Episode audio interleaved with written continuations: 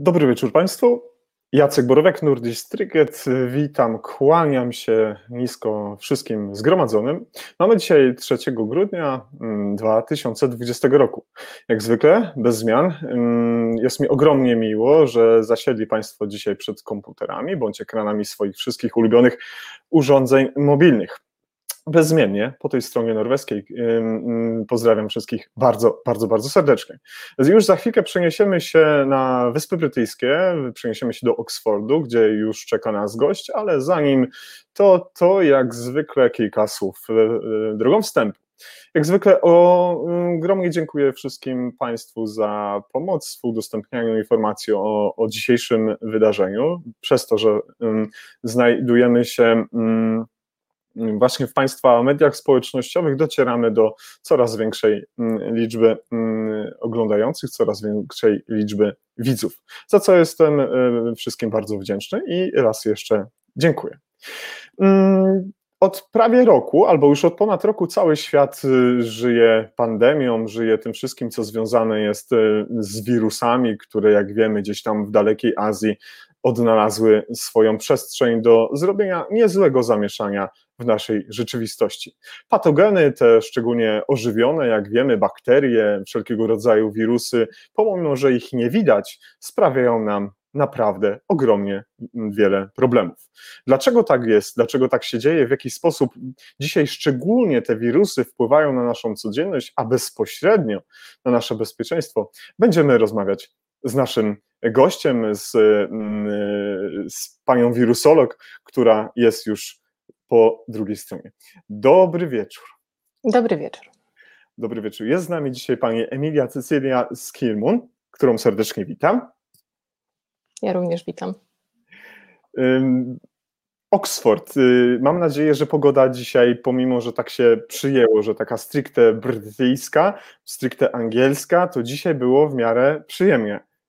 No nie było, obawiam się, że była właśnie ta angielska pogoda. Y, można się do niej przyzwyczaić, to podobnie jak w Norwegii, że y, chlapa, plucha, wieje i ciemno? E, można się przyzwyczaić, bo mimo wszystko tutaj pogoda jest dość, ten klimat jest dość łagodny, jest dość, nie, nie jest tak, że jest minus 20 stopni, e, po prostu jest trochę ciemniej e, niż, niż na przykład w Polsce w zimie. Notabene pozdrawiamy wszystkich widzów z Polski, pozdrawiamy wszystkich widzów na Wyspach Brytyjskich, szczególnie y, właśnie w okolicy, czy w samym Oxford. Jak wiemy, Polaków jest y, bardzo wielu również tam. Dzisiaj nasz temat wirusy, choroby i nasze bezpieczeństwo, bo właśnie cykl rozmów o bezpieczeństwie, dzisiaj kolejnego odsłona na kanale Nordis Triget. Mm, umówiliśmy się, będziemy używać wersji y, grzecznościowej, koleżeńskiej takiej, tak więc myślę, że może, możemy mówić sobie spokojniej po imieniu. Jest mi z tego powodu bardzo miło. I od razu mm, zapytam y, y, Ciebie, Emilio, mm, czym zajmuje się wirusolog e, ewolucyjny i, i jakbyś mogła w kilku zdaniach przybliżyć naszym widzom, no, co kryje się pod tym pojęciem? Wirusologia ewolucyjna oczywiście jest częścią e, wirusologii, nauki, która zajmuje się wirusami, e, ale my się zajmujemy też samą ewolucją wirusów e, i ewolucją wirusów i ich nosicieli, czyli koewolucją pomiędzy nimi, czyli jak się zmieniają wirusy i w odpowiedzi na to, jak się zmieniają ich nosiciele i w drugą stronę, jak się zmieniają, zmienia, jak ewoluuje nosiciel, i jak ewoluują w odpowiedzi wirusy, bo oczywiście to wszystko jest połączone, e, żeby wirusy mogły zakażać swoich nosicieli, one muszą cały czas się zmieniać i dostosowywać e, do, do właśnie tych nosicieli i w drugą stronę. Mhm. Mm, za chwilkę będę wchodził w głębiej, dlaczego akurat wirusologia, dlaczego wirusy. Dużo można się dowiedzieć z pewnego ciekawego artykułu, który został napisany przez e, Ciebie i przez Twoją koleżankę, jak mnie mam, o której powiemy za chwilkę trochę więcej, ale jeszcze mm, nawiązując do jakby też zapowiedzi do Twojej osoby, mm, na co dzień wykonujesz e, swoją pracę, jesteś w trakcie pisania mm, swojego doktoratu na, na Uniwersytecie w Oxford, chociaż jak wiemy, studiowałaś w Polsce. Mm, opowiedz troszeczkę o, o tej ścieżce, zanim do tego Oxfordu doszło. E, studiowałam w Polsce, e, robiłam inżynierkę w Polsce na SGGW w Warszawie. E, tam zajmowałam się genom, gen, genomami fenków, lisów, fenków i z tego pisałam pracę. A później już przeprowadziłam się do Anglii, zrobiłam dwie magisterki tutaj w Londynie, jedną z nauk biomedycznych i ta była stricte wirusologiczna, a drugą z medycyny sądowej, co jest trochę niezwiązane, ale, ale tak wyszło. E, no, a później e, pracowałam przez jakiś czas w tej medycynie sądowej, ale bardzo chciałam zrobić doktorat i bardzo chciałam go zrobić z wirusologii, bo bardzo lubię wirusy. I tak trafiłam na Oxford o tej kryminalistyce medycznej czy kryminalistyce sądowej można byłoby stworzyć jeden odrębny program i chętnie bym zapytał y, Ciebie, dlaczego tak się stało, że zainteresowały Cię takie y, y, kwestie. W dwóch zdaniach chociaż, żeby może wrócić kiedyś do tego tematu. E, ja zawsze się interesowałam e, medycyną. Moja babcia była chirurgiem. E, I też mimo wszystko z jakiegoś powodu podobała mi się ta, e, ta medycyna sądowa czy kryminalistyka medyczna. Mhm. E, I tak, ponieważ zobaczyłam, że jest magisterka e, na uczelni Barts w Londynie, właśnie z tego kierunku, mhm. to postanowiłam spróbować. Jak mówiłam, wyszło całkiem nieźle, bo dostałam pracę, co nie jest takie proste, jeżeli nie jest się native speakerem tutaj bo oczywiście nauka prawa e, w innym języku to jest, to jest wyzwanie i nie wspominam tego dobrze, e, ale no, jak mówię, udało się, no ale to nie było to. Nie. Czyli chwila później ciach, prask, pach i już się pojawił pomysł, żeby rozpocząć przewód doktorski na Uniwerku w Oksfordzie, a co tam z dziedziny wirusologii ewolucyjnej, o tematyce związanej z, wirusowa, z wirusami nietoperzy. Dlaczego aż taki temat i dlaczego akurat te słynne nasze gacki i inne y, stworzenia ssaki latające? E, ja zrobiłam e, moją pierwszą magisterkę e, z wirusologii i to były właśnie wirusy nietoperzy.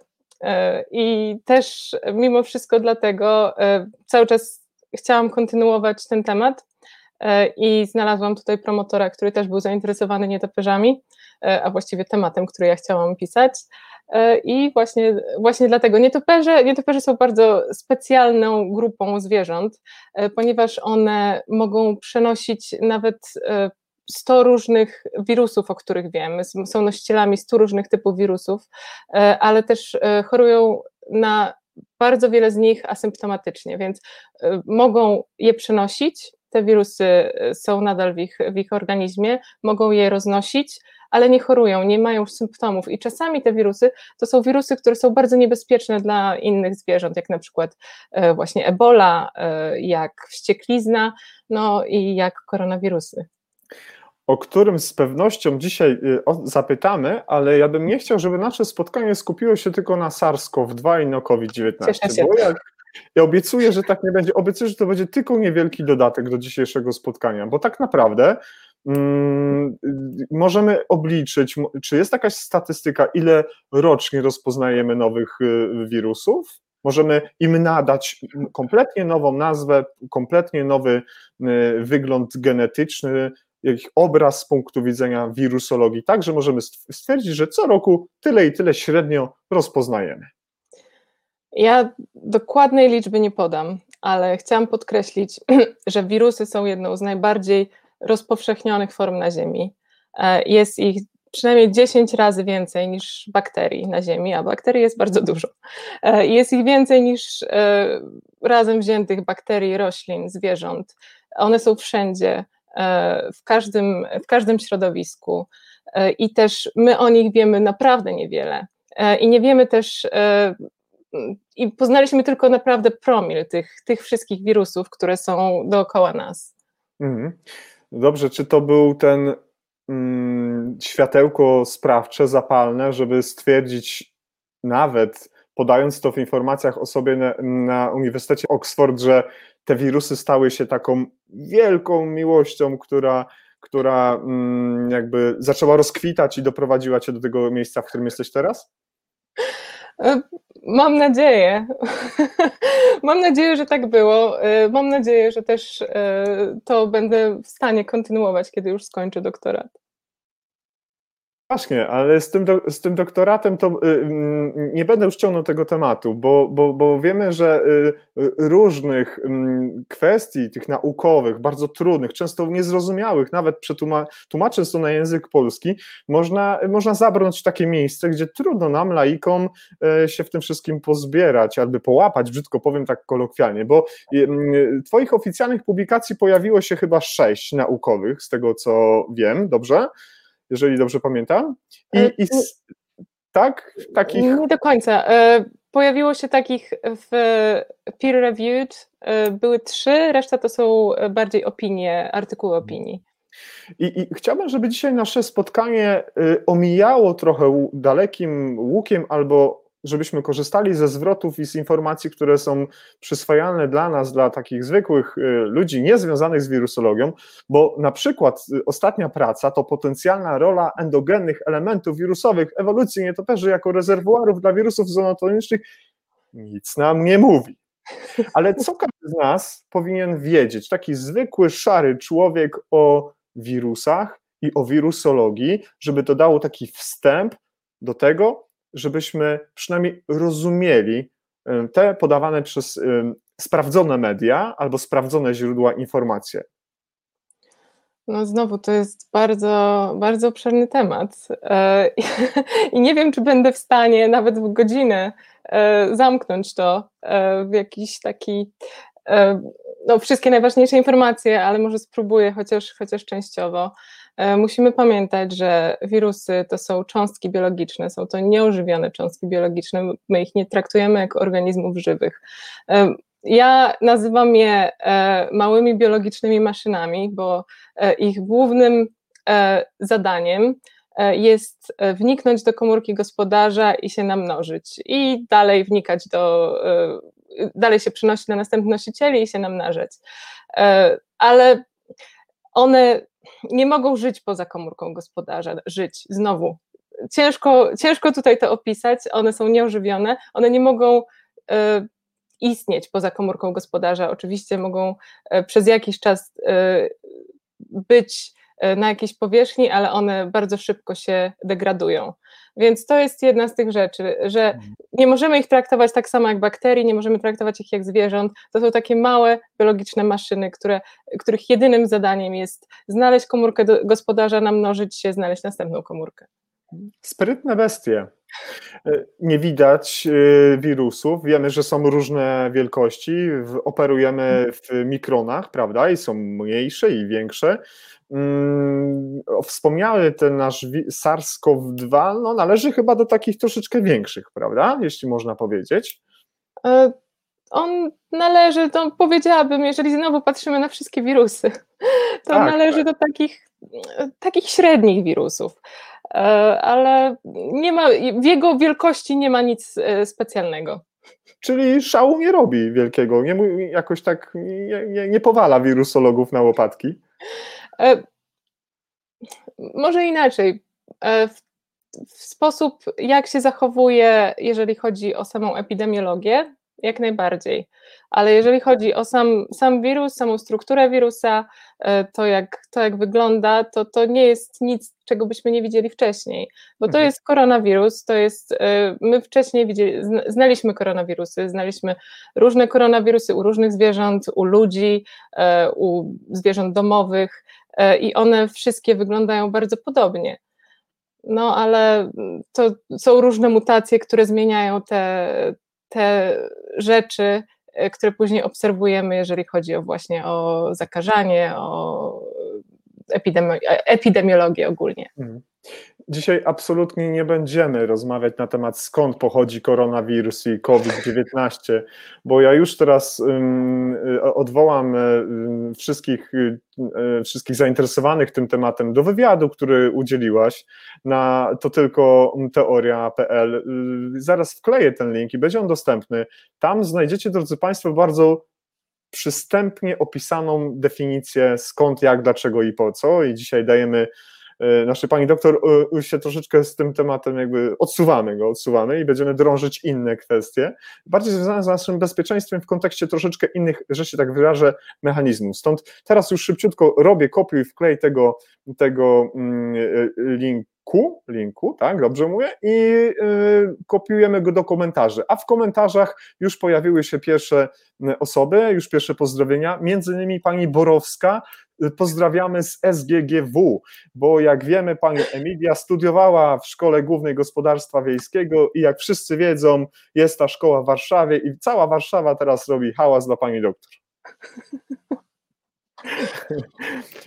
Jest, jest z nami też Michał, jest, jest Ewa, jest Joanna, Joannę też serdecznie pozdrawiamy. Michał jest też na Wyspach Brytyjskich, z Michałem spotkamy się w przyszłym roku, bo będzie też bardzo ciekawie o bezpieczeństwie, ale troszeczkę w innym wydaniu. Niemniej pozdrawiam wszystkich już teraz i zachęcam do tego, by zadawać pytania naszej, naszemu gościowi, mm, bo y, chyba warto. Ja takich pytań mam kilka uszykowanych i y, będę pomalutku je starał się y, wplatać w naszą rozmowę. Ale mm, y, żeby mm, jakoś tak płynnie w to wszystko wejść, to odwołam się właśnie do artykułu. Do artykułu, który jak żeśmy rozmawiali, wczoraj. Y, artykuł pojawił się na Impersy y, i to był artykuł, który pojawił się y, prawdopodobnie, jeżeli dobrze pamiętam, był opublikowany w maju, czyli to mieliśmy taki, mm, nawet jeszcze nie kulminację tego wszystkiego, co się dzieje z punktu widzenia epidemiologii, ale to już był ten czas, kiedy wy, naukowcy, mm, zwróciliście szczególną uwagę, że powstał bardzo duży chaos informacyjny, że powstało tam bardzo dużo niedobrej roboty takim kolokwialnym językiem, która nie sprzyjała zarówno Wam, ale też nam, opinii, opinii, publicznej. Wiem, że ten artykuł jest dla Ciebie bardzo ważny. Gdybyś mogła w kilku zdaniach opowiedzieć, co w tym artykule takiego jest najważniejszego, a te pięć zasad y, zbierania informacji zostawimy sobie na później. Tak więc niekoniecznie musimy od razu o tym mówić. Oczywiście, y, tak, jak najbardziej. Y, ja jestem bardzo dumna z tego artykułu. Ja bardzo lubię, może nie dźwięk mojego głosu, ale bardzo lubię pisać e, i też e, mam nadzieję, że piszę jakoś w miarę przystępnie. Ja piszę głównie po angielsku e, i ten artykuł też jest po angielsku. I w tym artykule razem z Linet opisujemy dezinformację, jaka powstała w czasie tej pandemii, bo to było naprawdę, to było ciężkie dla wszystkich, nie tylko dla ludzi, którzy nie znają się na wirusologii, nie są naukowcami, to było też bardzo ciężkie dla nas, bo dla nas było ciężkie y, znaleźć, co jest wartościową informacją, a co nie jest. E, było bardzo dużo e, też e, naukowych prac, które nie miały żadnej wartości. Ludzie rzucili się, naukowcy się rzucili niektórzy, żeby po prostu publikować, a jeżeli będzie słowo COVID, SARS, pandemia w tytule, to ktoś to na pewno opublikuje. I niektóre z tych artykułów były straszne, nie miały dobrej metodologii, w ogóle założenia były bez sensu. I ja się nie dziwię, że ludzie, którzy nie są związani z nauką, też w pewnym momencie, y, za przeproszeniem, zgłupieli, bo e, no, to było to było trudne dla wszystkich, dla nas również to nadal trwa, nadal są artykuły, e, które zupełnie nie mają żadnego sensu, nadal są artykuły, e, które wręcz mówią nieprawdę i jest ciężko bardzo oddzielić jedno od drugiego. Mhm. No i teraz pytanie, czy jest to celowe działanie, czy to jest troszeczkę pójście na skróty, bo bardzo łatwo jest przeczytać nagłówek, ba, nawet akapit, ale jak już są dwa, to już jest gorzej. Ale jak już jest w języku angielskim czy obcym, to co zrozumiałe, że nie każdy się tym posługuje, to można jeszcze ewentualnie um, używać tych zwrotowców SARS-CoV-2, COVID-19, y, y, ilość umarłych i tak dalej, i tak. Ale jak uważasz, kiedy oceniasz sytuację, gdzie tu jest przyczyna tego? Mm, czy to jest to, że lubimy się karmić takimi właśnie newsami z pierwszych stron, no powiedzmy mniej ambitnych gazet, czy to, że takie um, przeciwieństwa jak y, wirus, jak bakteria, patogeny, y, których nie widać, wzbudzają w nas jakąś wielką histerię i po prostu się tego boimy. Jak byś mogła odp odpowiedzieć na to pytanie? Ja myślę, że to jest dość złożone. Ta odpowiedź na to pytanie będzie dość złożona, bo tutaj w czasie tej pandemii jak najbardziej niestety media zrobiły no, dość niezbyt dobrą robotę i właśnie na przykład publikowały informacje z artykułów naukowych, które nie były jeszcze zrecenzowane przez innych naukowców. Więc tam były błędy. E, a były one w mediach e, ogłaszane jak coś już prawdziwego, już na pewno to jest to. Jest to. No i tak też e, niestety to zaufanie do naukowców tutaj podupadło, bo ludzie słyszeli, że coś jest prawdą z mediów, a później to wszystko było całkowicie, było mówione, że nie, to, to nie jest prawda. E, mhm. I to jak najbardziej e, tutaj niestety e, zaważyło w pewnych, w pewnych miejscach na zaufaniu do naukowców, no i mhm. niestety jest jak jest. Rozumiem. Ja posłużę się również wycinkiem. Nie jest to wycięte z kontekstu, nawiązuje to raczej do Twojej wypowiedzi, do artykułu. Nic dziwnego, że wielu laików nie rozumie tych specjalistycznych informacji, którymi media i internet są obecnie zalewane i łatwo wpadają w pułapki nadinterpretacji i błędnej interpretacji. Bo żebyśmy, tak jak żeśmy wczoraj rozmawiali, w mojej ocenie, laika zupełnie, żebyśmy mogli ocenić, że stan rzeczy, status quo jest taki, a nie inny, to nie możemy chyba bazować na jednym przypadku, musimy mieć jakąś grupę. 100, 200, tysiąca, może i więcej przypadków, o które będziemy mogli zbadać, porównać i wyciągnąć wnioski. Tak to należy rozumieć? Tak, tak, jak najbardziej. I też e, tak naprawdę to powinniśmy bazować naszą wiedzę na e, wielu badaniach, nie na jednym badaniu, nawet na dużej grupie ludzi, ale na metaanalizach, czyli na analizach e, z dużej grupy wielu badań, które też właśnie e, były badaniami na, na większych grupach. Więc no to, to da nam na pewno lepszą odpowiedź niż bazowanie naszej wiedzy na jednym niewielkim badaniu. No dobrze, ale czy mógłbym wrzucić y, mały kamyczek do waszego naukowego ogródka? Bo mm, również, również to są też twoje słowa z tego artykułu. Mm, użyłaś i zarówno definicji, którą, którą można odnaleźć w korzeniach w starożytnej Europie, y, która y, jest no, dosyć taka ciekawa w mojej ocenie, bo sama napisałaś tam, że środowiska, środowiska akademickie i naukowe to skomplikowane instytucje zależności i powiązań. Niekiedy nie ma niemal na równi z feudalizmem. Jak możemy to rozumieć? Sam e, feudalizm, zgodnie z Wiki, Wikipedią, to jest e, e, no, bardzo skomplikowane społeczno-gospodarczo-polityczne stwierdzenie, ustrój wręcz, który panował w średniowiecznej Europie. Jak to się ma do wirusologii? No nie do wirusologii, ale do nauki. Do nauki, przepraszam, do nauki.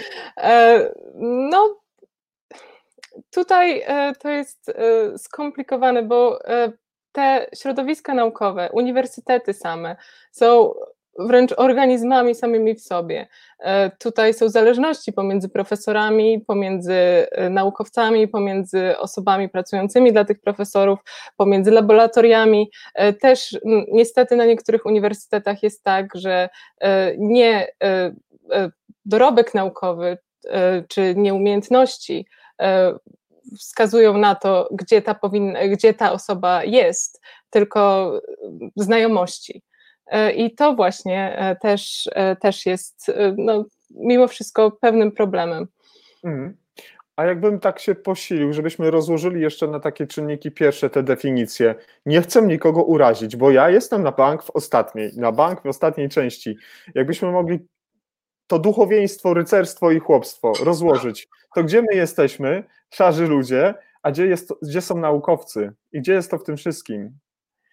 E, tutaj nie chciałabym e, do tego włączać e, właśnie też osób spoza akademii, bo ja to określiłam bardziej jako samą akademię, jako ustrój feudalny. Mhm. Ale i to oczywiście w przenośni. Tak, tak, oczywiście, to jest tylko przenośnie. Ale nie chodziło mi o akademia i gdzieś tam są inni ludzie, chodziło mi o samą Środowisko samą akademickie, tak? tak? Rozumiem. Rozumiem. To, to jakbyś popatrzyła na strukturę naukową, akademicką, doktor, profesor e, i te mechanizmy, e, no to jakby się to przedstawiało?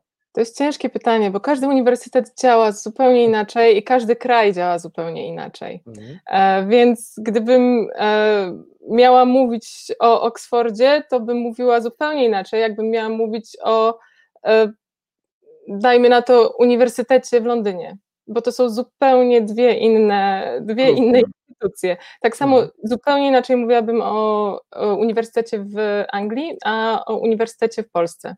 Znowu, tam zależności są zupełnie inne. I no, nie, chcę, nie chcę aż tak generalizować. Okej. Okay. Mhm. No dobrze, a y, na, nawiązując do tej nauki, do tej wiedzy, do, do, to znowu taki y, twój cytat. Kiedy nauka jest dobra, wiedza, oj, wkradł mi się y, błąd ortograficzny, jest bardzo dobrze. Kiedy jest ona zła, nieodpowiednia, to nagle jest okropna, znienawidzona, nielubiana, wyśmiewana w wszelaki sposób krytykowana. Czy w tym momencie to, co się dzieje z całą sytuacją epidemiologiczną, tak to rzeczywiście odczuwacie, że tak jest? Tak, bo kiedy te wszystkie badania są dobre, są zachowane jakieś standardy, to można faktycznie wyciągnąć z nich dobre wnioski. A kiedy ta nauka, te badania e, nie są przeprowadzone na odpowiednim poziomie, e, to wtedy mamy to pole do nadinterpretacji, mamy pole do błędów, mamy pole do e, złego rozumienia tego przez media czy przez, przez ludzi, którzy nie są naukowcami, więc. I tak to teraz wygląda. Mamy bardzo wiele dobrych badań zrobionych przez dobrych naukowców, bo, ale mamy masę takich, które po prostu zostały wypuszczone tam, żeby być i może, może ktoś to zauważy i może ktoś to opublikuje. Mhm. I jednym z, y, mm, tak bym powiedział, kwestii, które chciałbym Cię osiągnąć, to wpleść nasz temat w naszą codzienność, nasze bezpieczeństwo. Ale często jest tak, i znowu cytat zaciągnięty z Twojego artykułu, jest, że naukowy fakt zmienia się, gdy zmieniają się dowody, bo nagle może się zmienić y, mm, ilość przeanalizowanych danych i ta grupa, którą żeśmy rozkładali na części pierwsze, y, no, przedstawiła zupełnie coś nowego i my musimy zmienić swoje nastawienie do faktów, bo na ten temat, nie, na temat faktów nie będziemy dyskutować ale z nami, z ludźmi, którzy w tej przestrzeni odbiorczej funkcjonują, już nie do końca chcemy zmienić to zdanie. Mm, jak zmieniać zdanie mm, na temat tego, co było w styczniu, w lutym, w maju, a jak zmieniać zdanie teraz, bo jesteśmy bombardowani, to róbcie, tego nie róbcie, y, y, takie zakazy, takie nakazy, to się przenosi, to się nie przenosi potrzebuje pomocy, jak my powinniśmy sobie z tym poradzić, by nasza codzienność, nasze bezpieczeństwo y, miało to właśnie mm, bardzo dobre znaczenie. Musimy zaakceptować fakt, że znowu jesteśmy w zupełnie nowej sytuacji, w której y, żadne z nas nie było wcześniej. E, I jeżeli chodzi o fakt naukowy, to my jako naukowcy jesteśmy przyzwyczajeni do tego, że ta nauka się zmienia. Ona jest bardzo dynamiczna i kiedy zmieniają się dane, kiedy przeprowadzimy więcej badań, kiedy dostaniemy więcej dowodów, możliwe, że te nasze e, paradygmaty, te, te podstawy też się zmienią i będziemy, i, i my jesteśmy do tego przyzwyczajeni. To nie, jest, to nie jest dla nas, e, przynajmniej dla większości, mam nadzieję, problemem powiedzenie nie, ja się myliłam, E, wtedy, tak, wtedy te wszystkie dowody, które miałam wtedy, to e, mówiły jedno, ale teraz mam nowe dowody, które e, mówią, które udowodniły mi, że jest inaczej i teraz wiem, że jest tak, przynajmniej na podstawie tych dowodów. Niestety ludzie są przyzwyczajeni, że jak dostają dowody od szczególnie źródła, którym ufają, to już przy tych dowodach zostają i czują się oszukani, jeżeli ten dowód się zmieni. E, czują się też, e, no, głupio im powiedzieć, e, ja posłuchałem tego naukowca, on mówił tak, ale nagle teraz już jest inaczej, więc na pewno wszystko, co mówi ta osoba, nie jest prawdą. No i to jest problemem, bo mhm. musimy pamiętać, że w nauce to wszystko się zmienia. I to, że ta osoba, która wcześniej mówiła jedno, zmieniła nagle zdanie, nie znaczy, że, że to zdanie jest złe, znaczy po prostu, znaczy to też zależy oczywiście od osoby, ale mhm. jeżeli osobie tej ufamy i wiemy, że na podstawie jakichś danych e, się wypowiada, no to e, najwyraźniej te dane się zmieniły i teraz, teraz na podstawie tych wszystkich danych, które mamy teraz, taka, taka jest prawda. Hmm. Strasznie płynna ta masa jest. Ona się trochę będzie chciała jakoś układać, nie, nie, bez jakichś kształtów konkretnych. Ona będzie się chciała trochę wciskać w zależności no, od, nie wiem, warunków środowiskowych, temperatury, nie wiem, wilgotności i tak dalej. Trochę to takie jest płynne. Zaszalałem z tą wilgotnością, ale chyba tak. E, dlatego dlatego na przykład mamy coś takiego jak, e, ja teraz użyję angielskiego stwierdzenia, blanket policies, czyli hmm. E, wprowadzamy e, obostrzenia, które nie zawsze są odpowiednie dla każdego rodzaju sytuacji, ale są dla większości sytuacji i nawet są wyolbrzymione trochę, żeby po prostu no, też nie było mm, takiego zagubienia w tym, co wolno, a co nie wolno. I te blanket policies są właśnie takim przykładem tego, co robimy, żeby mniej więcej no, cały czas nie zmieniać zdania na przykład. Rozumiem. A, a, jak to jest z tym, co też również napisałaś w swoim artykule i odniosę się do tego i mm, do tego cytatu i bardziej skonstruuję z tego pytanie. Y, napisałaś tam również, że niektóre propozycje wyników badań klinicznych zostały zaakceptowane przez niektóre agencje rządowe, pewne regulacyjne urzędy, które mają za zadanie wprowadzenie pewnych rozwiązań szybciej niż czas był y, potrzebny na ich napisanie pewna taka zawiłość się zrobiła w tym wszystkim. To jest jak? Czyli zanim nie pojawiły się jeszcze oficjalne wyniki, ktoś już tam nakazał, żeby pewne postępowanie było tak, bez względu na wyniki tych badań?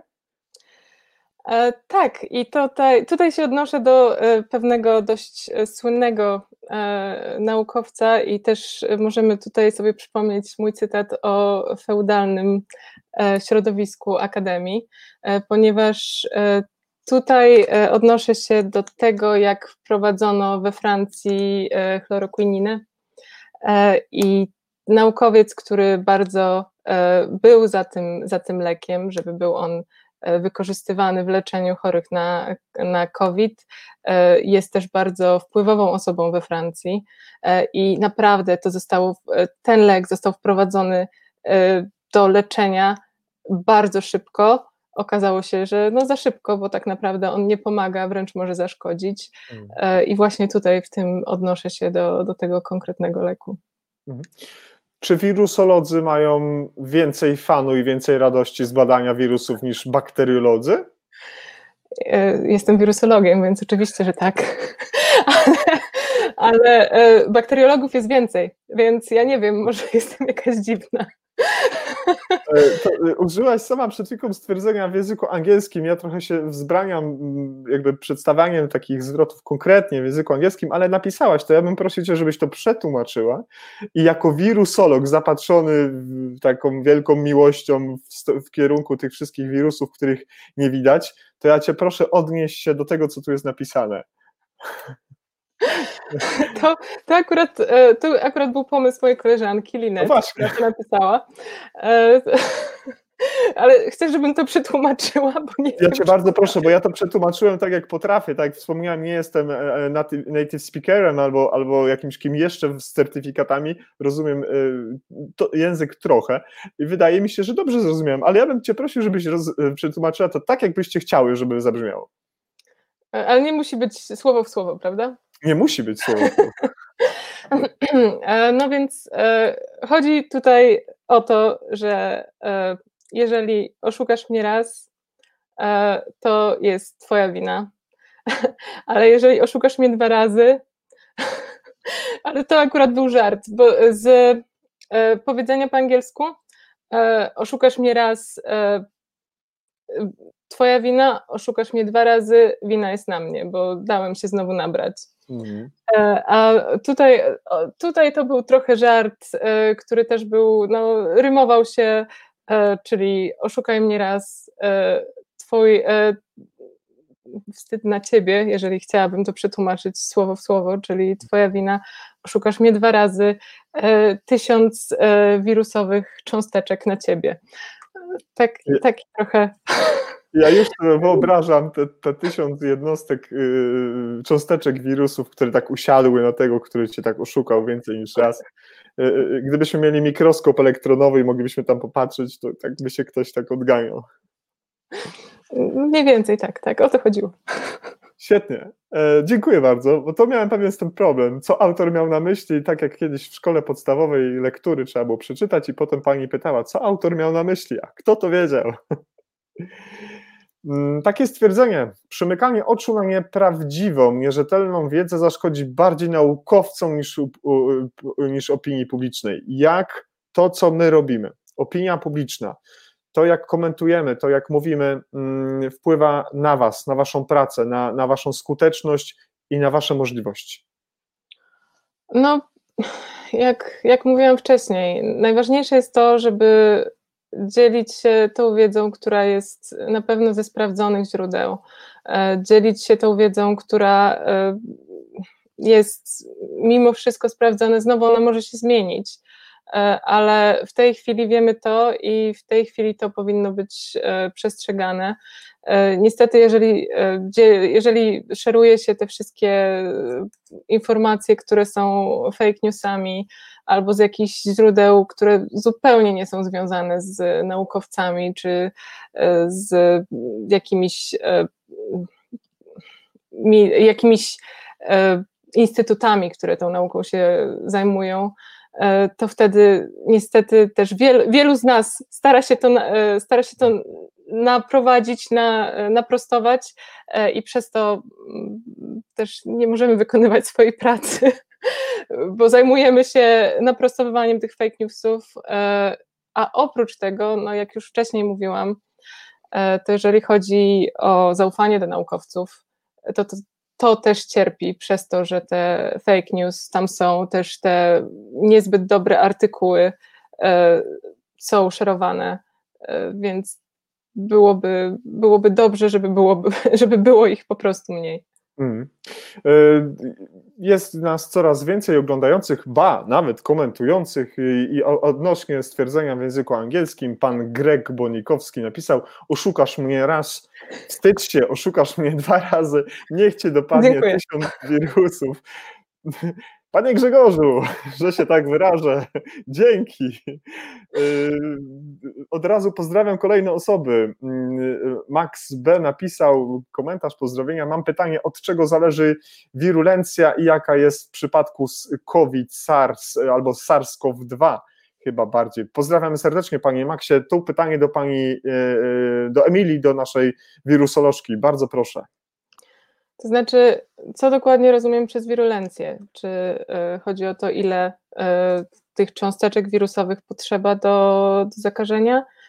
Tego nie wiemy. Y, więc jeżeli chodzi o, bo też badania nad SARS-CoV-2, bardzo wiele z tych, z tych rzeczy, które, które teraz mówimy o SARS-CoV-2, są tylko domysłami E, ciężko nam badać tego wirusa, ponieważ no, nie możemy przeprowadzać na przykład e, badań na, na ludziach, oczywiście, bo nie mamy, e, nie mamy leków, którymi moglibyśmy ich leczyć, nie mamy szczepionki, cały czas mamy pandemię, więc wszyscy są, więc wszystko jest w takim stanie wstrzymania. Wszyscy naukowcy starają się pracować, ale jest to bardzo utrudnione.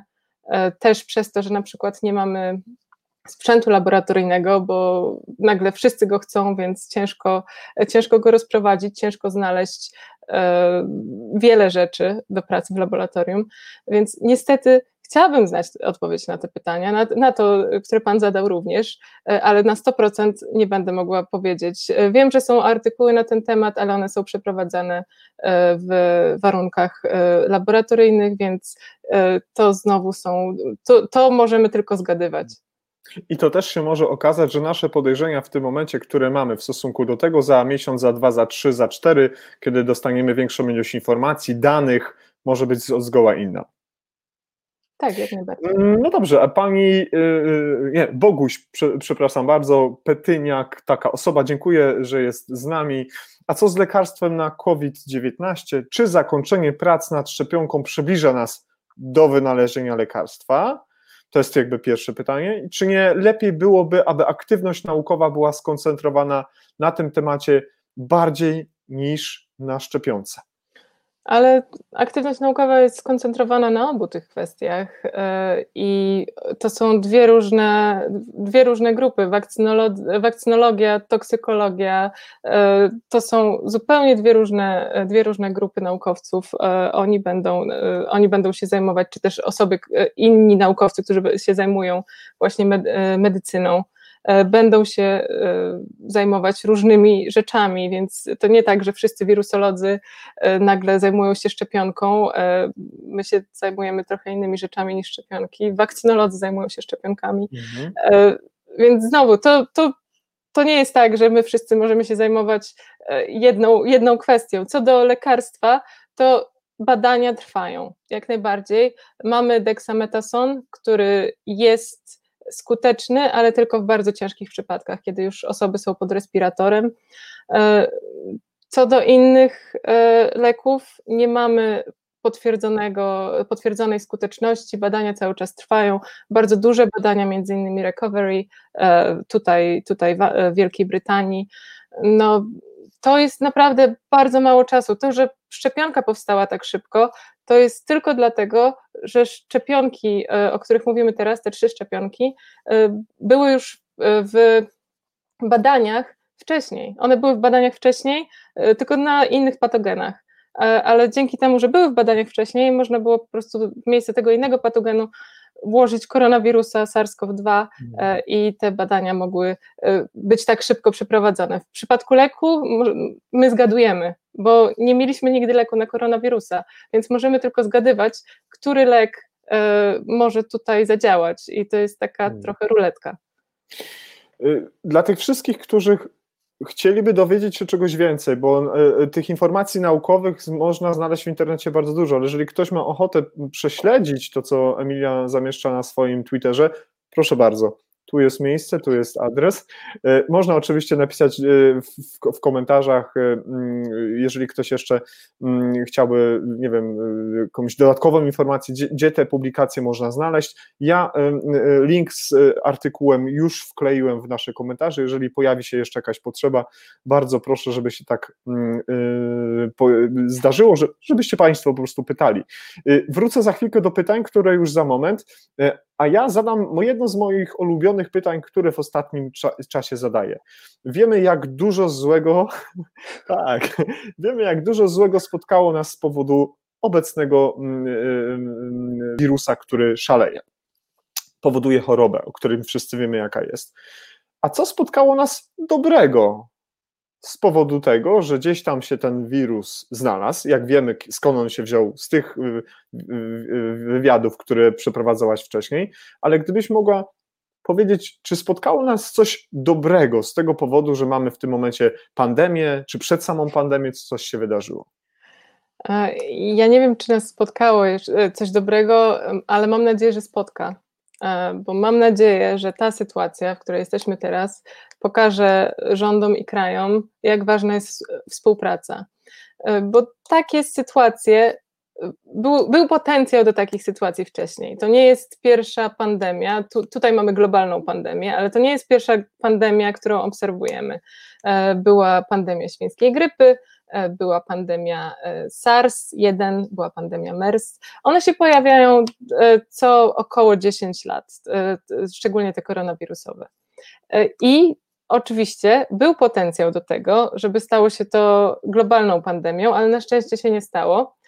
Ale mimo tego w pewnym momencie E, wiele krajów podpisało traktat e, zobowiązujący je do współpracy, jeżeli coś takiego się zdarzy. Hmm. E, ten traktat został podpisany w 2008 roku, ile dobrze pamiętam, po pandemii świńskiej grypy. W tym momencie żaden z krajów, który podpisał ten traktat, nie spełnia jego warunków. Więc mam nadzieję, że po tym, co się stało teraz, takie traktaty powstaną, może też jakieś regulacyjne grupy międzynarodowe. Oczywiście mamy WHO, ale jego działanie w tej chwili jest dość ograniczone. To jest bardziej doradcza organizacja. Rozumiem. Musimy mieć coś, co bardziej zarządza tymi działaniami. Mhm. A gdzie w tym wszystkim, wszystkim e, oprócz Twojej osoby, ale jesteś no, jakby pracownikiem Oksfordzkiego Uniwersytetu, a gdzie w tym wszystkim są nasi polscy naukowcy, których wiemy, że mamy ogromną ilość bardzo mądrych ludzi, bardzo doświadczonych ludzi z dużym dorobkiem? Gdybyśmy mogli w tym wszystkim wpasować, czy to, że ta sytuacja się zdarzyła, czy to pomoże, pomoże polskiej nauce i przełoży się na nasze bezpieczeństwo?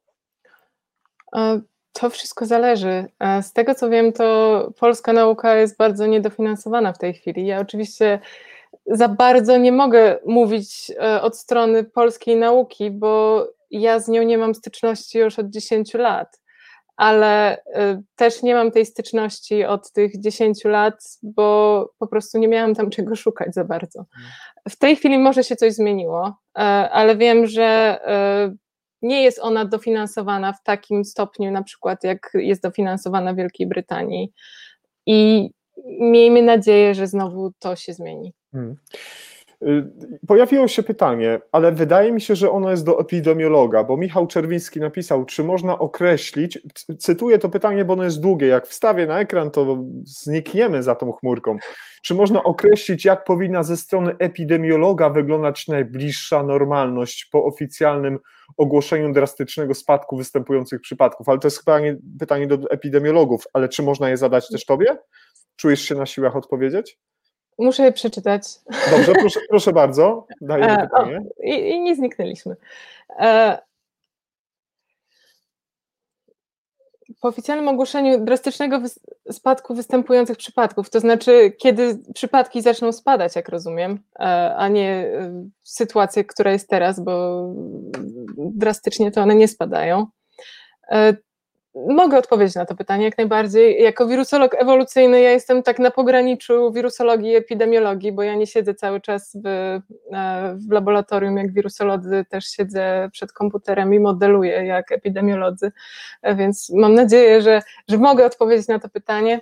E, to wszystko e, zależy od e, tego, jak ten wirus będzie się zachowywał. Jeżeli ten wirus będzie mutował w taki sposób, że będziemy musieli na niego wymyślać nowe szczepionki, e, to, e, to będziemy musieli się nauczyć z nim żyć. I to będzie też duże wyzwanie, ponieważ będziemy musieli jakoś e, sprawić, że wprowadzanie tych szczepionek będzie o wiele lepsze niż w przypadku grypy na przykład bo w tej chwili ten wirus jest o wiele bardziej śmiertelny niż grypa i jest o wiele bardziej niebezpieczny. E, jeżeli chodzi o nagły, kiedy nastąpi ten nagły spadek e, przypadków, na przykład e, z powodu wprowadzenia szczepionki, będziemy musieli przez jakiś czas zachować ten, zachować obostrzenia, będziemy musieli zachować dystans społeczny, będziemy musieli zachować, no, nie mamy paszportów, nie wiem, czy będą one wprowadzone, no ale będziemy musieli zachować te obostrzenia. I to potrwa na pewno do czasu, kiedy będziemy w stanie stwierdzić, jak długo trwa nasza, e, nasza pamięć immunologiczna e, po zaszczepieniu. I czy wirus mhm. też e, nie odpowie na to przez jakąś mutację, która sprawi, że ta szczepionka już nie będzie więcej działać na następny szczep. Więc to jest coś, co cały czas będziemy obserwować. To jest coś, co będzie obserwowane po wprowadzeniu szczepień przez dłuższy okres czasu. E, i wtedy no, będziemy, będziemy w stanie na to pytanie odpowiedzieć, ale na pewno po pierwszym spadku te obostrzenia nadal, e, nadal będą, e, będą działać, a przynajmniej przez jakiś czas. Pozdrawiamy Michała, Michał w Wielkiej Brytanii. Trzymaj się, Michał, też wracaj, chłopie, do zdrowia. Pytanie od pana Grzegorza albo pana Grega. Pytanie, na ile przejście COVID-19 zapewnia dalszą odporność? Pan Greg mnie trochę wyprzedził z tym pytaniem, bo to sobie też uszukowałem, ale nasi goście mają pierwszeństwo. Czy ozdrowieńcy na pewno już nie zarażają i czy nie będą musieli przyjmować szczepionki, jak, jeśli się taka szczepionka pojawi? A drugie pytanie od pana Grega, czy dzieci przenoszą wirusa, tak rozumiem, który, który powoduje tę chorobę? No bo Dobrze. chyba tak to powinno być stwierdzone. Ale jeśli się mylę, to proszę o, o, o ja będę, Będę odpowiadać po kolei. Zostaw mi to pytanie, żeby nie zapomniała. Czy przejście COVID zapewnia dalszą odporność? Na razie wygląda na to, że tak. Na razie, ale nie wiemy na jak długo.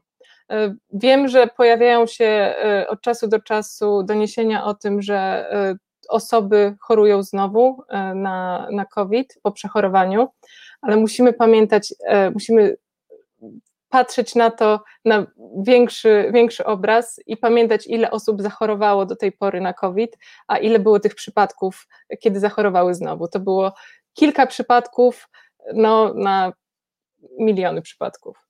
Więc prawdopodobnie w większości przypadków e, przechorowanie COVID zapewnia odporność. Znowu nie wiemy na ile, bo z tym wirusem mamy styczność dopiero od 10, może 12 miesięcy.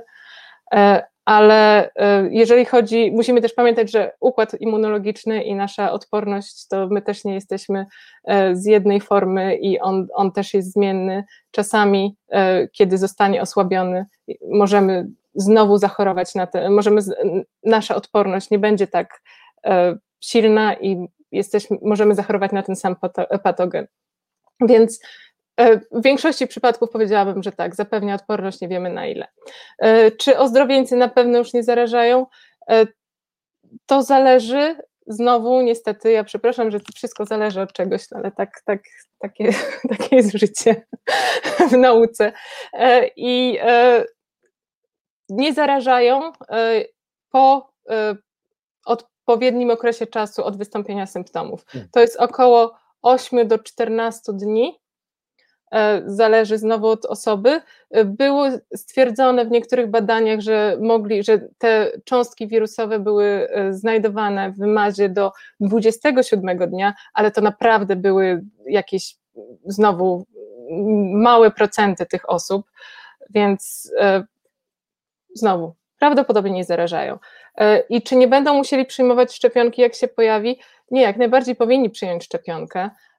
Szczególnie, że Znowu, odporność po przechorowaniu, takim e, naturalnym przechorowaniu tej choroby e, może dawać różne, e, różne rezultaty. Ona może mhm. być słabsza, może być silniejsza, może trwać krócej, może trwać dłużej. Tak jest w przypadku każdego wirusa. Po przechorowaniu naturalnie nie jesteśmy w stanie powiedzieć, jak długo potrwa ta odporność. Po podaniu szczepionki, ponieważ ona jest zestandaryzowana, wiemy, ile tego patogenu podajemy, to y, czy patogenu, czy właśnie mRNA, czy, czy fragmentu patogenu, y, wiemy jaka, jak mniej więcej ta odpowiedź będzie wyglądała i wtedy jesteśmy też w stanie stwierdzić, że odpowiedź powinna być mniej więcej na tym samym poziomie u wszystkich.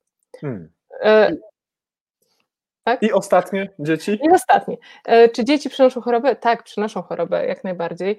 E, było to stwierdzone, e, wręcz są dość niebezpiecznym wektorem w tej pandemii, ponieważ nie mają tak ciężkich symptomów, często mogą być zarażone asymptomatycznie, ale chorobę przynosić.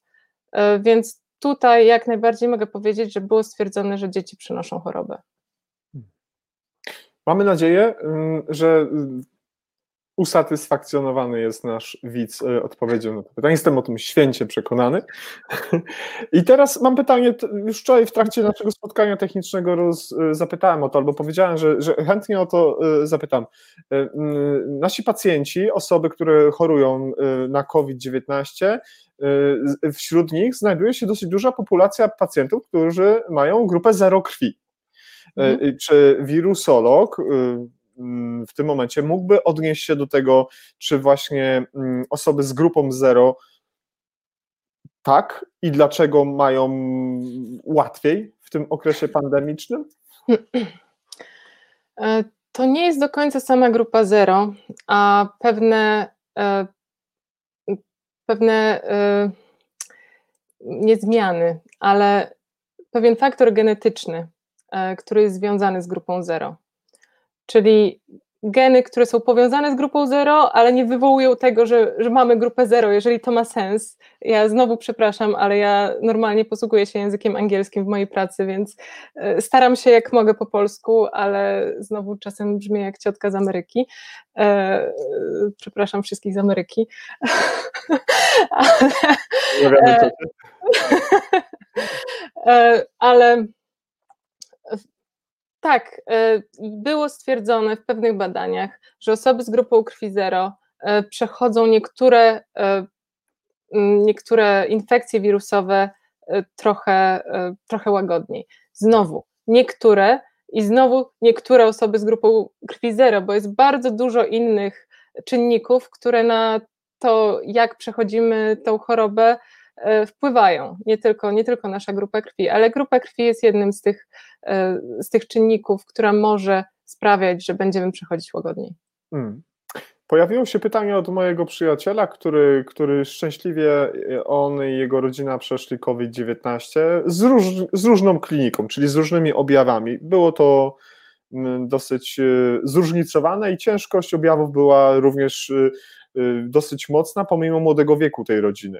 Y, teraz rozmawiałem, y, mamy stały kontakt i właśnie Tomasz mnie zapytał, czy jest możliwe, że jego organizm użyję słowa takiego, nauczył się czegoś po, przejście, e, po przejściu tej, tej choroby, jego układ immunologiczny, że na przykład wirus opryszczki, z którym zawsze się borykał, w tym momencie w ogóle przestał funkcjonować, tak, miał wcześniej jakieś inne kłopoty, one się po prostu zniknęły. Czy jest jakaś szansa, czysto hipotetycznie, że przejście tej choroby uruchomiło takie mechanizmy immunologiczne, które, jak to mój kolega y, Tomasz użył, nawet nie kolega, dobry przyjaciel, użył słowa, wyparły te słabsze wirusy y, w tym biegu, kto bardziej i kto szybciej za, zakazi takiego pacjenta. Jest to możliwe?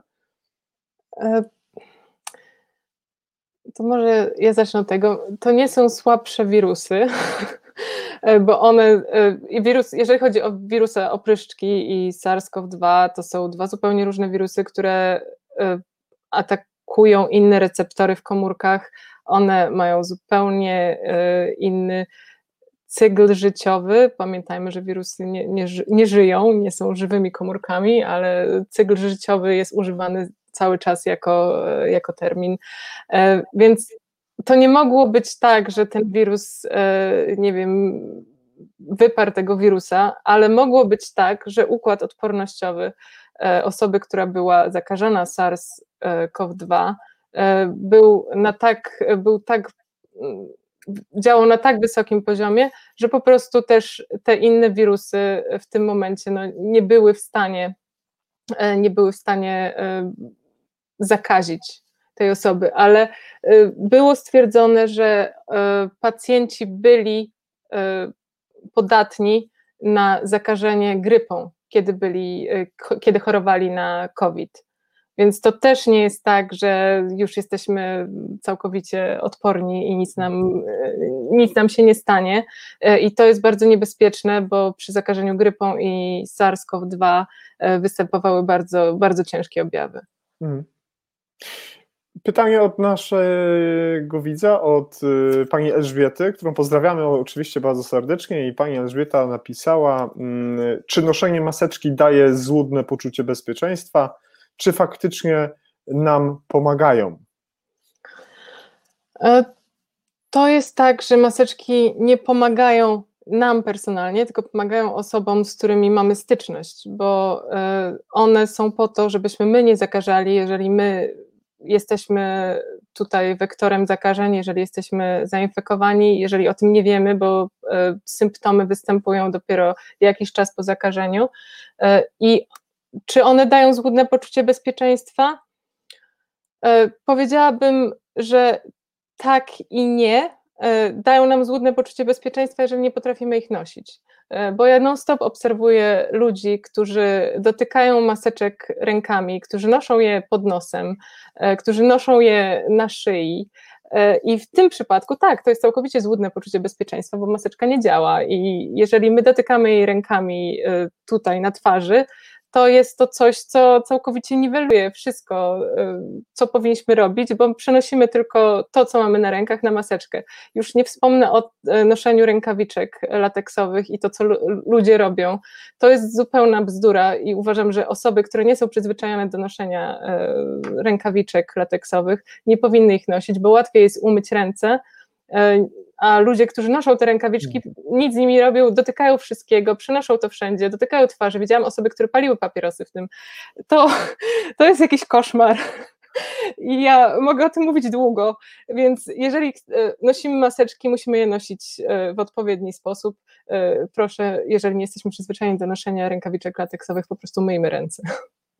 Myjmy ręce. Często nośmy przy sobie te wszystkie środki, które w odpowiedni sposób tak zadziałają na tą otoczkę tego wirusa, że on zostanie zniszczony. O tym już mówiłaś w ostatnim czasie pewnie przynajmniej dziesiątki razy.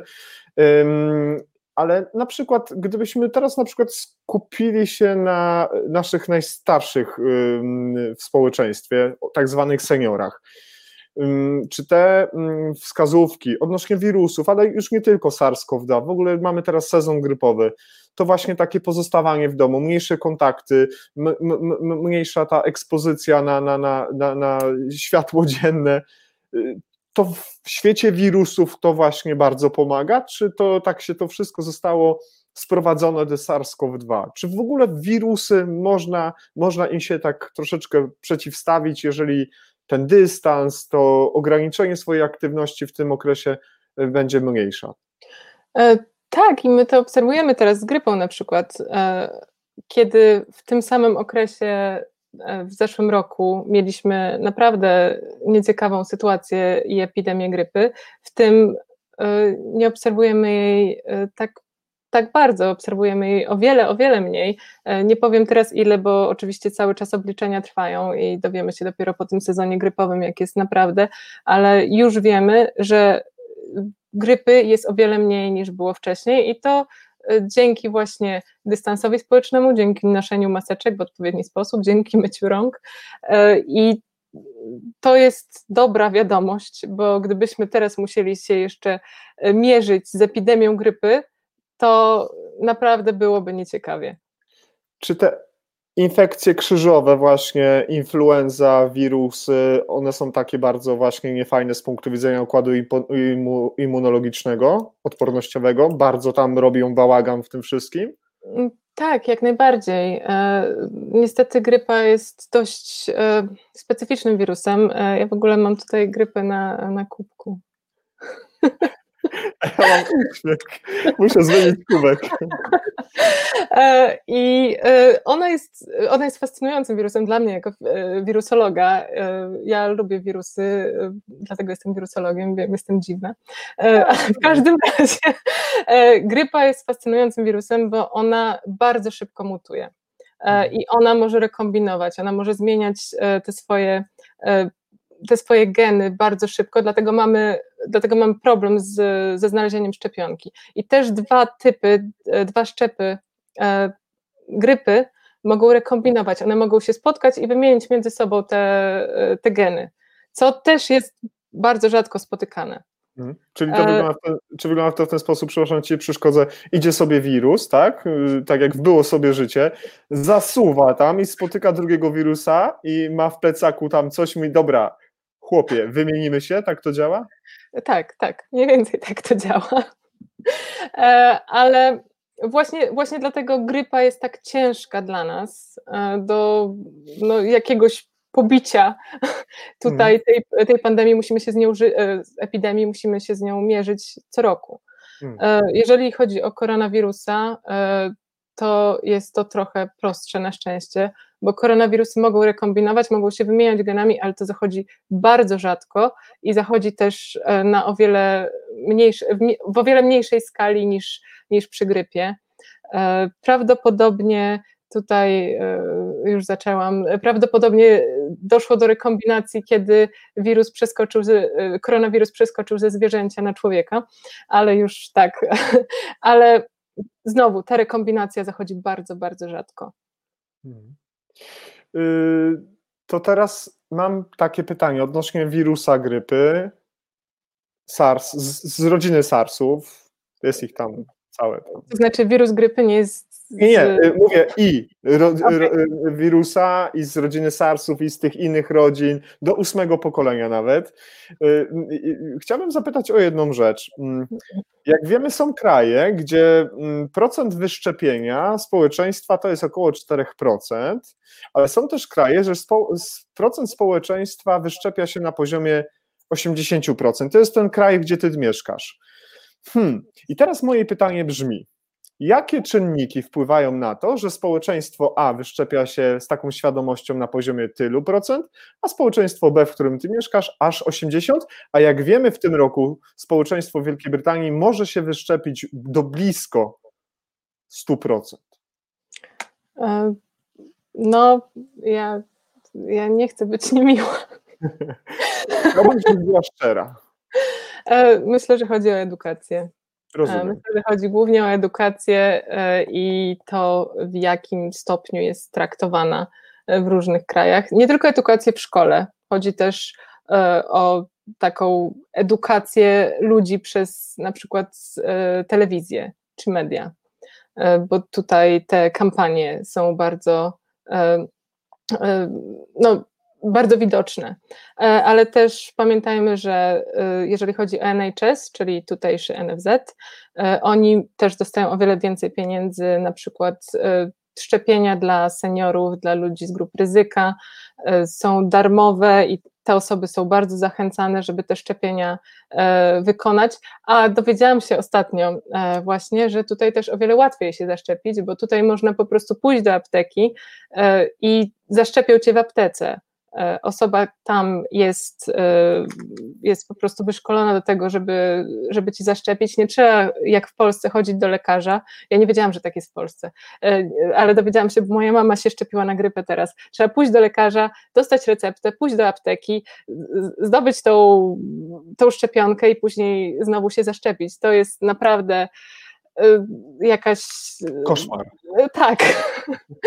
jakaś krucjata, żeby się zaszczepić. I ja się, nie, ja, ja się nie dziwię, że większość osób albo nie ma na to czasu, albo po prostu no, nie mają czasu, żeby pójść tam w drugą stronę, nie mają pieniędzy też niektórzy, bo oczywiście społeczeństwo tutaj jest dość społeczeństwem dość bogatym. I tutaj tym osobom nie szkoda tych 12 funtów na szczepionkę, która znowu, te, tutaj to kosztuje tylko 12 funtów, wydaje mi się, że trochę taniej, na, e, mówię o grypie, e, trochę taniej niż na przykład w Polsce, e, bo ona jest też dofinansowana e, częściowo z, z rządowo. No, jest bardzo wiele czynników i, i wydaje mi się, że edukacja jest jedną, E, to, jak społeczeństwo ma dostęp do szczepionki, no i też oczywiście e, ten, ten finansowy mhm. E, czynnik. Zadam pytanie, ale jeśli, jeśli ktoś mnie odbierze źle, to, to ja przepraszam, ale ja, ja tak się boję teraz.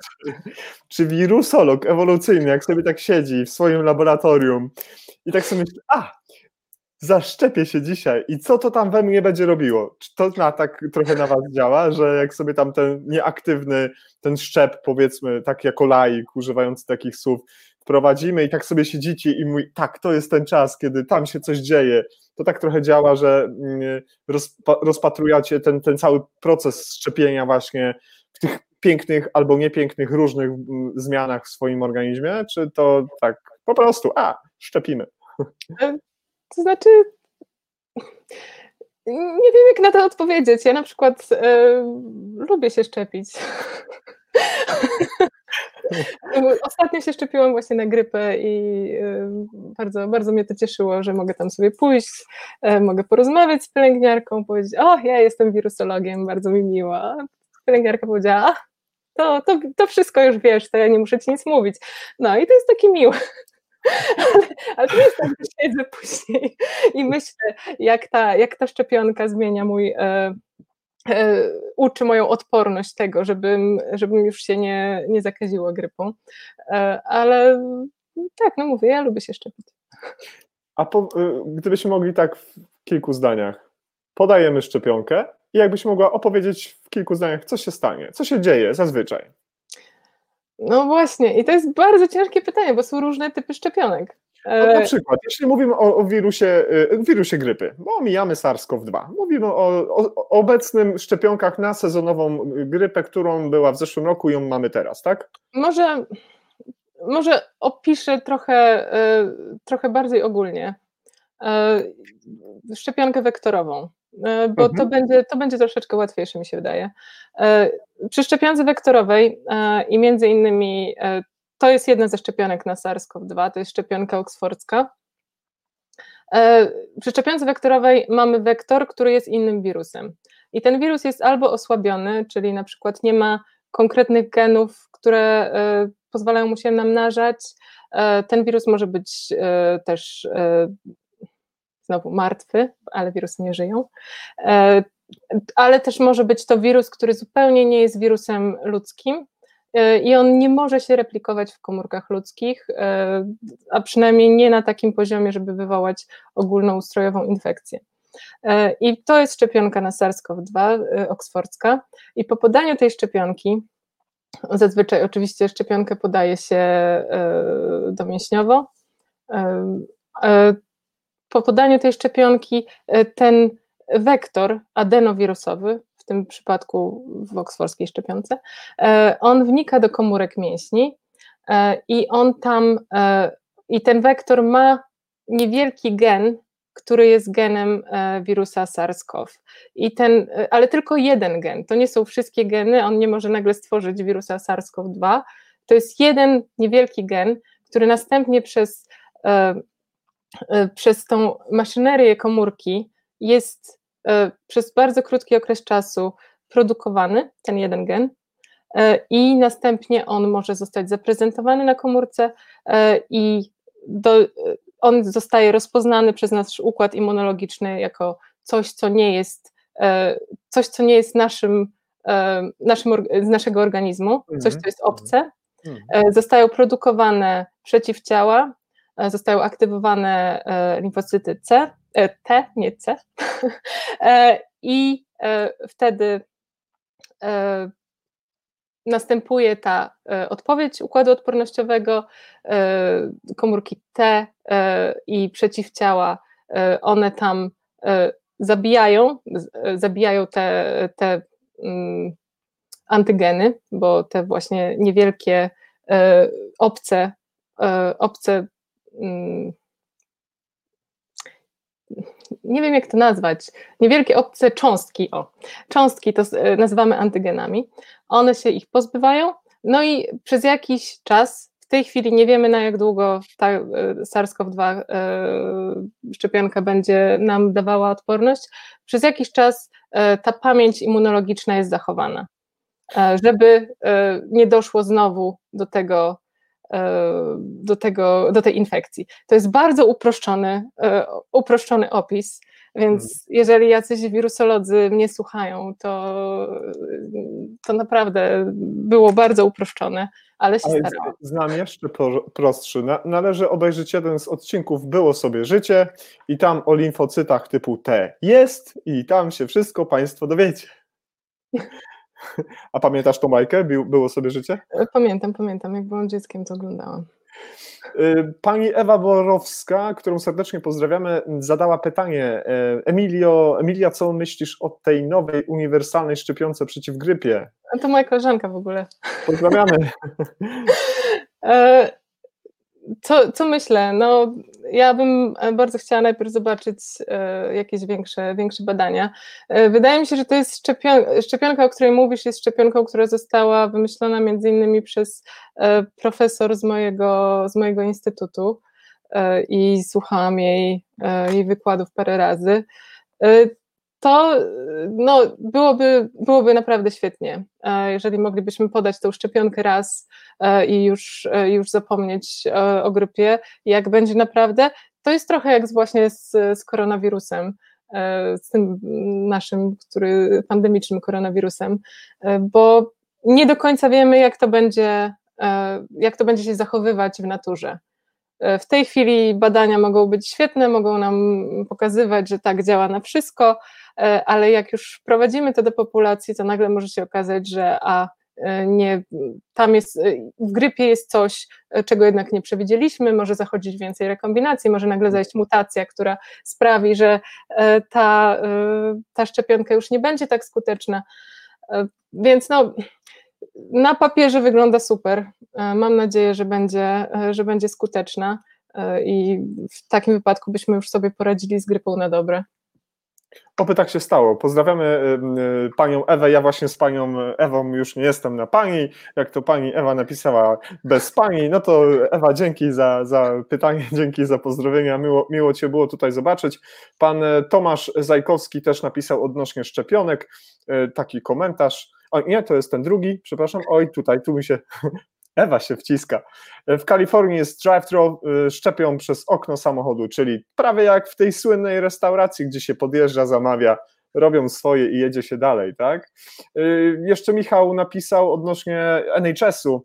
Pracownicy pogotowia Wielkiej Brytanii otrzymują szczepionki za darmo przed sezonem grypowym. Potwierdzam, kampania, kampania informacyjna jest rewelacyjna, y, tak więc sprawdza się to też Ewa napisała wcześniej, w Hiszpanii też szczepią w aptece, tak więc y, tam szczep... słońce za gratis, szczepionki dostępne. Jak tu tylko tam żyć? A jak jest w Norwegii? A jak jest w Norwegii? W Norwegii jest tak, że na przykład z własnego doświadczenia mm, mogę powiedzieć, że mm, mój szef y, w naszej klinice, y, osoby, które, które, które decydują o, o funkcjonowanie kliniki, jeśli chodzi o, o nasze zdrowie, yy, przeprowadziły odpowiednią kampanię informacyjną dla nas, dla medyków, dla, pielęgniar, dla pielęgniarek, dla ratowników medycznych, dla paramedyków, określając, że mamy takie, a nie inne statystyki zachorowań, w zeszłym roku tyle i tyle osób zachorowało, takie i takie były komplikacje i by tego uniknąć, zmniejszyć ryzyko, zmniejszyć komplikacje, e, zalecamy tutaj taką szczepionkę i wtedy zbierała, się lista chętnych, żeby zamówić konkretną ilość szczepionek, żeby tego nie zmarnować, bo jak wiemy dostęp do szczepionek też nie jest nieograniczony i wszystkie te osoby, które wyraziły zgodę po oczywiście kontakcie e, z, z szefem, po wypełnieniu odpowiedniej dokumentacji medycznej, zostały zaszczepione przez kolegę albo koleżankę w stacji. Tak to działa na przykład. Albo albo dziewczyny z pielęgniarki, pielęgniarze na oddziałach. Mm, tak więc tak to działa mm, w Norwegii. Y, tu jeszcze pan Grek dopisał, czy będzie dostępna raczej jedna szczepionka, czy kilka różnych? Jeśli będą różne, to jak rozpoznamy, które są lepsze, skuteczniejsze i jak z dawkowaniem, ile razy trzeba będzie się szczepić? Troszeczkę już y, było odpowiedzi, ale może wrócimy, jeszcze mamy trochę czasu, chociaż już niewiele. E, czy będzie dostępna jedna szczepionka, czy kilka różnych? Zależy, ile konkretne państwo e, szczepionek kupiło i z których miejsc. E, mhm. Na pewno no, będzie zatwierdzonych kilka szczepionek. Musimy pamiętać, że jedna firma nie wyprodukuje szczepionek dla całego świata, bo to by było niemożliwe i zajęłoby im bardzo dużo czasu, mhm. nawet gdyby chcieli. Ale więc najprawdopodobniej będzie dostępnych szczepionek kilka. Miejmy nadzieję, że jak najwięcej, bo dzięki temu będziemy mogli zaszczepić więcej osób w krótszym czasie. E, jak rozpoznamy, które są lepsze, skuteczniejsze? No, na podstawie badań. W tej chwili wiemy, że Pfizer, e, Moderna mają bardzo wysoką, e, wysoką skuteczność na podstawie tego, co podali, bo jeszcze nie mamy pełnych badań dostępnych. Szczepionka oksfordzka trochę niższą skuteczność, ale znowu badania nie są, nie są jeszcze skończone. Y, to, y, ale trzeba pamiętać, że jeżeli nawet szczepionki skuteczniejsze będą podane na przykład tylko jednej grupie, na przykład grupie osób starszych, to nie jest żadnym problemem to, że zaszczepimy się szczepionką mniej skuteczną, e, bo tutaj też chodzi o to, żeby jak najwięcej osób było zaszczepionych, bo jeżeli e, będzie zaszczepionych te 80% społeczeństwa, to jest mała szansa, że my będziemy mieć styczność z tym patogenem już, więc mhm. może to być nawet mniej skuteczna szczepionka, po prostu żebyśmy byli zaszczepieni. A jak z dawkowaniem, zależy od szczepionki. Hmm. W tej chwili E, większość szczepionek, e, te trzy szczepionki, o których mówiliśmy, Pfizer, Moderna, e, mówiliśmy o wszystkich trzech, no, wszystkie trzy szczepionki, o których ja Pfizer, mówię. Moderna i Oksfordzka. Tak, Pfizer, Moderna i Oksfordzka są podawane w dwóch dawkach, ale wiem, że są prace nad szczepionkami, które są podawane w jednej. Mhm. Y, I tutaj szybko pan Tomasz jeszcze zapytał, y, ale już od, uzyskaliśmy odpowiedź od Ewy. A tak krótko, jak to możliwe, żeby szczepionka była uniwersalna? Jak szukać informacji o niej, co wygooglać? I tu już Ewa podała taki link i ten link jest ten link jest tutaj, my już go mamy, news. i tak dalej, i tak dalej. I jest kolejny link, ale się tutaj nam pani Ewa, Ewa, rozpisała. Dzięki ślicznie, to naprawdę bardzo fajnie, że weszliśmy w taką super interakcję. I, i co, mamy 19.19. .19. Czy pies daje radę? E, pies daje radę, tak, jeszcze trochę. To świetnie. Proszę Państwa, mamy umowę tutaj z Emilią, że jeżeli pies uzna, że ma ochotę na spacer, to po prostu Emilia y, sprytnie brytyjskim systemem mówi dziękuję, dobranoc i wychodzi. tak już żartem mówiąc, ale musimy mieć wzgląd na to, że, mm, że pies musi też. Kolejna, kolejne miejsce, kolejny link. Bardzo serdecznie dziękujemy. Te wszystkie linki pojawiają się w komentarzach pod wydarzeniem i wszystkie te osoby, które, a wiem, że jest bardzo dużo osób, które są dzisiaj w pracy na dyżurach, chciały być z nami, ale nie mogą. Nasz online już nie będzie online, ale będzie zarejestrowany na kanale YouTube Nordistriget i oczywiście na naszym profilu, z którego relacja teraz się pomału odbywa. Tak więc tu bardzo serdecznie dziękujemy. Ewę wyganiamy. No i teraz. Nie wyganiajmy Ewy. Z naszego, z naszego yy, okna komunikatu. Linet to ta pani, koleżanka, z którą żeś ten artykuł popełniła, y, którą, no, nazwisko powiedz mi jeszcze raz, Nusbacher? Nusbacher, tak. Tak, którą bardzo serdecznie pozdrawiamy jest współautorą właśnie tekstu, o którym żeśmy już rozmawiali, rozmawialiśmy bardzo dużo, bardzo możliwe, że w niedługim czasie ten tekst pojawi się w języku polskim, a może. I jeżeli pozwolisz, to wtedy, kiedy będzie gotowy, to po prostu udostępnimy go Wam, a Ty z nim co zrobisz, to już to, co będzie, y, y, to, co uznasz za słuszne. Na samym końcu tego artykułu, jeszcze raz za chwilkę pozwalam, pozwolę sobie wkleić link do tego bardzo ciekawego artykułu znajduje się, tu mamy ten link do artykułu, jeżeli dobrze pamiętam, tak? Mhm. I znajduje się, znajdują się pewne wskazówki dla nas. Dla nas, dla ludzi, którzy nie są związani ze, związani ze światem nauki. Może nawet chcieliby się czegoś dowiedzieć, potrzebowaliby narzędzi, y, sposobów, mm, możliwości. Tutaj Pan użył słowa wygooglać, no ale jak już googlać, jak już szukać, jak już zrobić research, to jak to robić? Y, jak rozpoznać właśnie tą dobrą, fachową, sprawdzoną wiedzę? Wiemy, że w tym artykule jest pięć wskazówek. Możemy się do nich odnieść? E, tak, możemy. Ja go sobie właśnie otworzyłam, żebym e, tutaj miała e, ściągę. Więc jeżeli chodzi o pięć wskazówek, to jak rozpoznać dobrą, dobry artykuł naukowy, ale nie tylko artykuł naukowy, nawet artykuł opinii, to powinniśmy na początku sprawdzić, kto jest autorem. Czy ten autor jest naukowcem, czy ma jakąś ekspertyzę w tej, e, w tej dziedzinie, o której pisze, albo czy w ogóle, nawet jeżeli nie jest naukowcem, e, to czy jest wspierany przez naukowców czy ekspertów w danej dziedzinie. Na przykład, jeżeli chodzi o osoby, które, o dziennikarzy. I też powinniśmy sprawdzić, czy ta osoba już wcześniej napisała jakieś artykuły E, które były o nauce czy w tym temacie i jak one zostały odebrane. E, jeżeli chodzi o drugą, e, drugą część, drugą, drugi sposób, jak sprawdzić, czy to jest dobry, dobry artykuł, to musimy sprawdzić, gdzie on został opublikowany, na jakiej platformie, czy jest w dobrze znanym magazynie, czy ta, ten, ta strona internetowa na przykład nie ma jakichś E, powiązań z jakąś e, frakcją polityczną, albo na przykład powiązań z jakąś firmą, na przykład firmą farmace farmaceutyczną, bo oczywiście te wszystkie e, na przykład press release, teraz zapomniałam słowa oczywiście po polsku,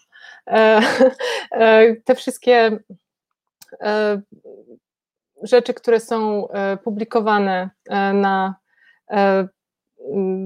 na stronach firm farmaceutycznych to nie zawsze jest tylko, y, tylko czysta nauka, to też są po prostu materiały, żeby sprzedać swój produkt. Więc to też, na to też musimy patrzeć. Czy autor wspomina o swoich źródłach, czyli skąd wziął te informacje, bo większość naukowych artykułów będzie wymieniało swoje źródła z innych na przykład naukowych artykułów. Cztery to jest, czy E, artykuł został zrecenzowany przez innych naukowców.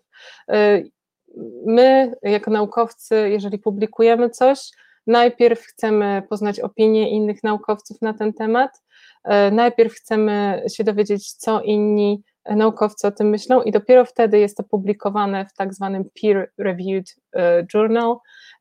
Jeżeli to jest opublikowane gdzie indziej, to jest tak zwane przed E, przed, tym, przed recenzją e, i na tym etapie ten artykuł może zostać odrzucony, może zostać uznany za coś, co jest nieprawdą, coś, co, co jest e, źle przeprowadzone, jest, ma złą metodologię i w tym, w tym przypadku takie artykuły nie powinny zostać cytowane na przykład w mediach, a to było nagminne przez, przez cały okres tej pandemii.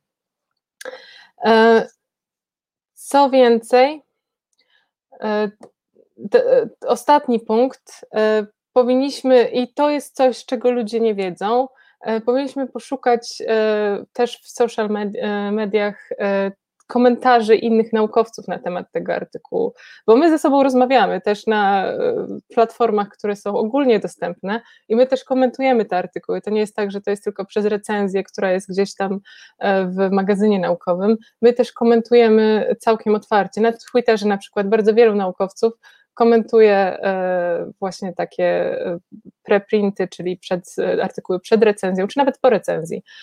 Więc też warto poszukać naukowców, który, którzy są znani, którzy wiadomo, że są mają ekspertyzę w danym, w danym temacie, czy oni nie skomentowali przypadkiem gdzieś tego artykułu. Więc to jest takie pięć, pięć zasad, które mam nadzieję pomogą wszystkim ocenić, czy ten, czy ten, czy ten artykuł, e, czy ta nauka, o której czytamy, ma e, jakieś potwierdzenie. Numer trzy. Zgubiłem przez przypadek. E, numer trzy. Czy, numer trzy. Tak. Czy, czy wspominają o swoich źródłach? Tak. Jakie są źródła? Tak. Dobrze. Czyli sprawdź źródła i to dodajemy jako numer 3 i już jestem. O, mały błąd ortograficzny, źródła wyszło, ale niech tam będzie. Y, tak jak powiedziałem, link do um, tegoż fantastycznego artykułu jest już w komentarzach. Tak jak powiedziałem, jak się wszystko dobrze złoży, to może się to tam tak ładnie zrobi, żeby było też w języku polskim. Y, ale ja chciałem za niego bardzo podziękować, bo to się przekłada na pracę wielu naukowców, nie tylko wirusologów ewolucyjnych, ale w ogóle wszyscy ci, którzy pracują naukowo, którzy siedzą w tych swoich laboratoriach, śpią tam, mieszkają, nie wychodzą dniami, nocami, robią różne rzeczy po to, żebyśmy byli bezpieczni. A jaka jest według y, Emilii y, Skirmut definicja bezpieczeństwa? Co to jest bezpieczeństwo według Ciebie? No to teraz zadałeś mi pytanie po prostu.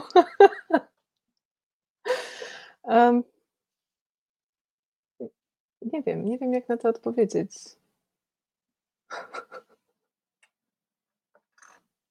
Może mi jakoś pomożesz. Każdy z, z, moich gości ma swoją definicję. Kiedy rozmawialiśmy o bezpieczeństwie motocyklowym, Krzysztof Ozimkiewicz mówił o bezpieczeństwie motocyklowym w, w, kontekście pewnych rzeczy, z którymi się spotyka. Kiedy rozmawialiśmy o bezpieczeństwie z bronią w ręku, ma, e, Przemek Wójtowicz mówił o swojej definicji. A jeżeli zapytam wirusolożkę ewolucyjną, jakbyś miała skonstruować definicję bezpieczeństwa? Co to takiego według Ciebie jest? Może w takim razie e, stan, w którym wszyscy są. Stan, w którym wszyscy są chronieni i nie muszą się starać, by tak było, jak na przykład e, w przypadku pandemii, kiedy wszyscy mhm. muszą tutaj zachowywać dystans, muszą nosić maseczki, E, miejmy nadzieję, że wszyscy bardziej poczują się bezpieczni, kiedy będą wprowadzone szczepionki i, i będziemy mieć jakieś leki.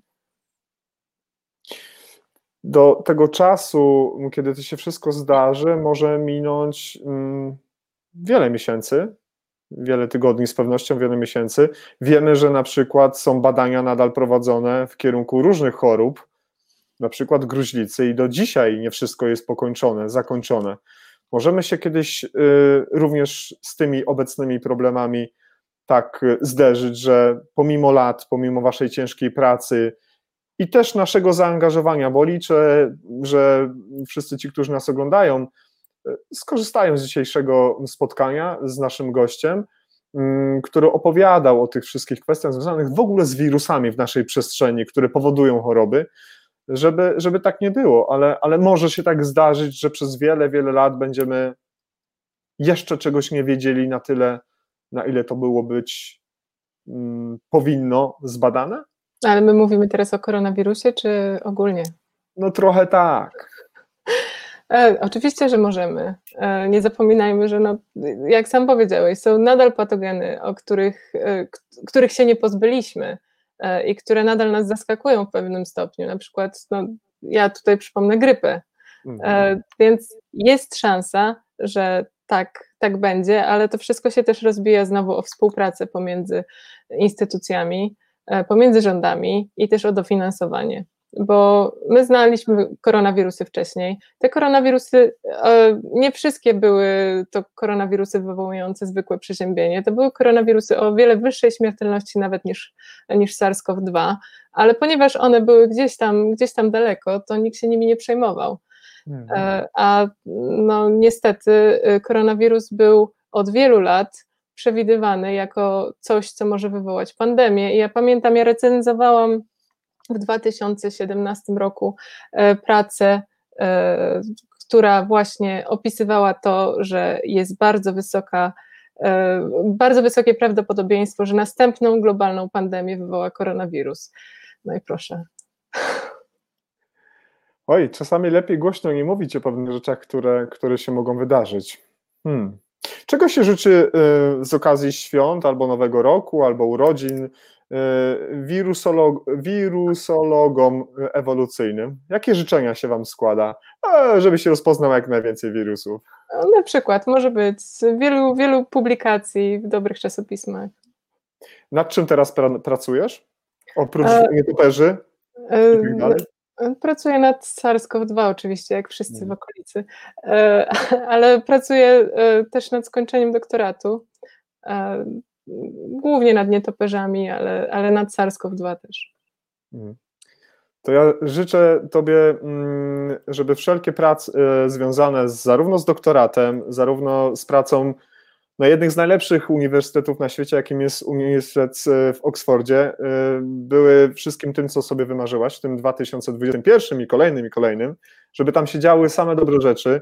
Jak spotkasz jakiegoś nowego wirusa pod tym wielkim mikroskopem, to pozdrów i powiedz, żeby tam się za bardzo nie rozpychał, a wszystkie te, które mają ochotę coś zrobić złego, to niech nie robią aż tak dużo y, niedobrych rzeczy, żeby te choroby, które wywołują, na przykład jakim jest COVID-19, no, oszczędzały szczególnie tych naszych najsłabszych, najstarszych, najbardziej schorowanych, e, a nam młodym niech dają trochę do myślenia, bo chyba, że war, chyba, chyba warto o tym pomyśleć.